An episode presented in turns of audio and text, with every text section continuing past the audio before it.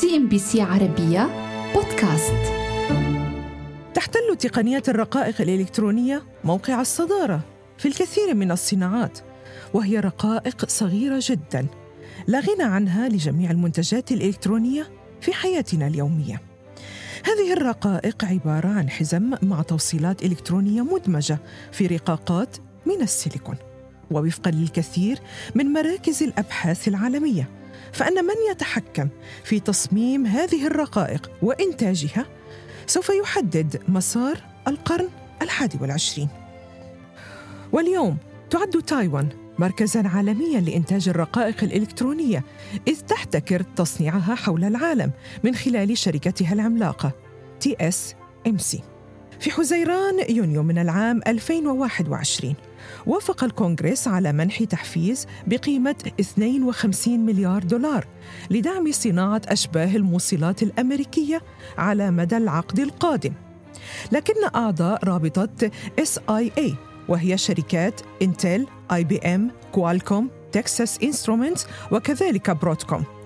كل هذه الشركات أنفقت ما بين 2011 و 2020 مبلغا يفوق ال 249 مليار دولار على عملية إعادة شراء الأسهم مما يعني خمسة أضعاف الدعم الحكومي الذي سعت إليه رابطة SIA علاوة على ذلك تم في أيار مايو من العام 2021 تشكيل تحالف أمريكا لأشباه الموصلات المعروف باسم ال SIAC للضغط على الكونغرس لتمرير قوانين لدعم تحفيز القطاع من بين أعضاء التحالف شركة أبل، مايكروسوفت، سيسكو وكذلك جوجل.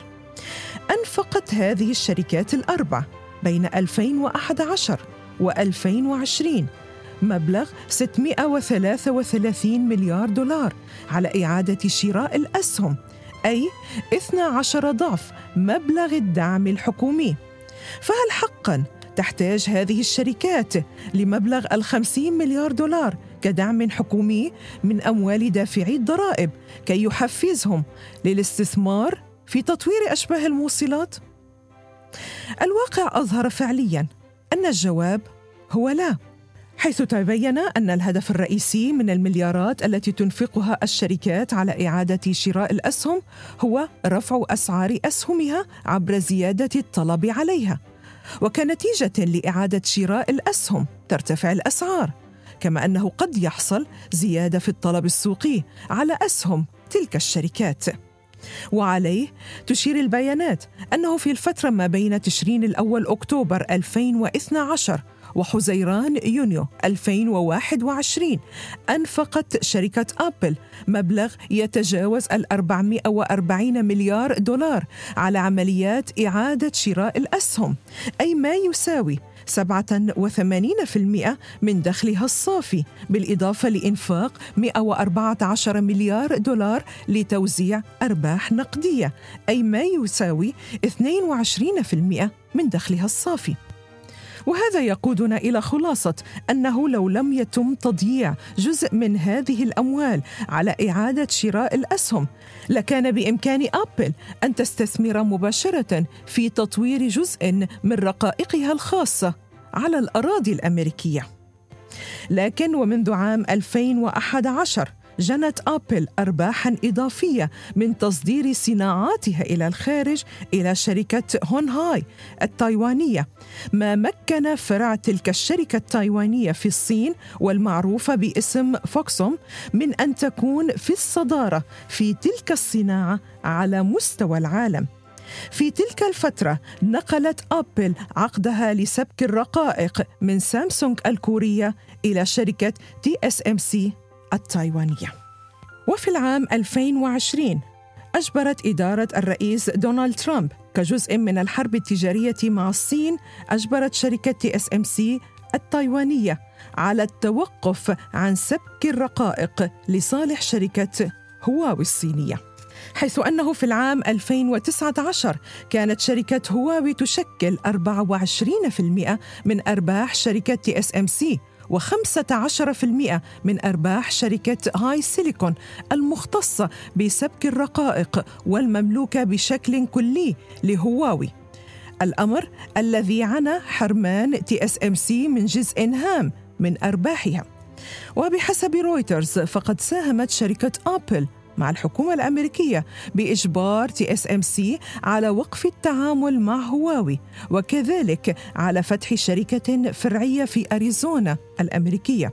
وقد خططت الشركة التايوانية لإنفاق 100 مليار دولار على المدى المتوسط لتعزيز سبك الرقائق من ضمنها 12 مليارا لمنشأة رقائق 5 نانومتر في أريزونا تدفع على ثلاثة أعوام. لكن هذا الرقم يبدو ضئيلا جدا بالمقارنة مع ما أنفقته أبل على إعادة شراء الأسهم خلال ثلاثة أعوام. توزعت هذه الأرقام على 73 مليار دولار في 2018 و69 مليار دولار في 2019 وأيضا 72 مليار دولار في 2020 وأكثر من 70 مليار دولار في 2021 تلك الأرقام كان من الممكن أن تتكفل ببناء منشأة سبك خارقة في الولايات المتحدة. بدلا من ذلك ولإجبار الشركة التايوانية على التوقف عن التعامل مع هواوي هددت أمريكا بمنع وصول منتجات شركات معدات أشباه الموصلات الأمريكية إليها وتحديدا من قبل شركات مثل ابلايد ماتيريالز وكي ال اي وغيرها والتي تحتل مراتب متقدمة على مستوى العالم في صناعة معدات أشباه الموصلات. وقد نمت هذه الشركات بشكل هائل منذ التسعينيات بدعم من سيماتيك وهو ائتلاف جمع 14 شركة أشباه موصلات أمريكية. تلقت بين عامي 1989 و 1996 دعما من الحكومة الأمريكية. بمبلغ يتجاوز النصف مليار دولار من أجل الاستمرار في التنافس مع قطاع صناعة الآليات اليابانية. حققت تلك الشركات ريادة هائلة في نوعية أعمالها وأيضا إيراداتها في التسعينيات وحتى العام 2000 لكنها انطلاقا من مطلع القرن.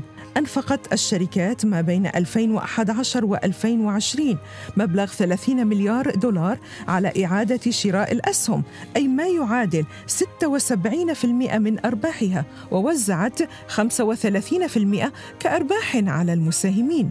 وتشير الأبحاث بأن هذه الشركات في حال استمرارها بالتركيز على استخدام أرباحها لدعم أسعار الأسهم فمن المرجح أن يتولى موردوها المتواجدين بغالبيتهم خارج الولايات المتحدة أن يتولوا ريادة الابتكار في قطاع معدات أشباه الموصلات. يبدو أن الصراع سيبقى محتدما لحصر سوق الرقائق بشركات محدودة تحتكر التحكم بها وهذا ما لخصه الشريك الأول في شركة ماكنزي بيل وايزمان الذي قال هناك يأس في السوق فإذا كنت تبني جهاز مقياس طيفي جماعي بقيمة 350 ألف دولار ولا يمكنك شحنه لأنك لا تمتلك شريحة سعرها 50 سنتا. فأنت على استعداد لفعل أي شيء. سي إن بي سي عربية بودكاست.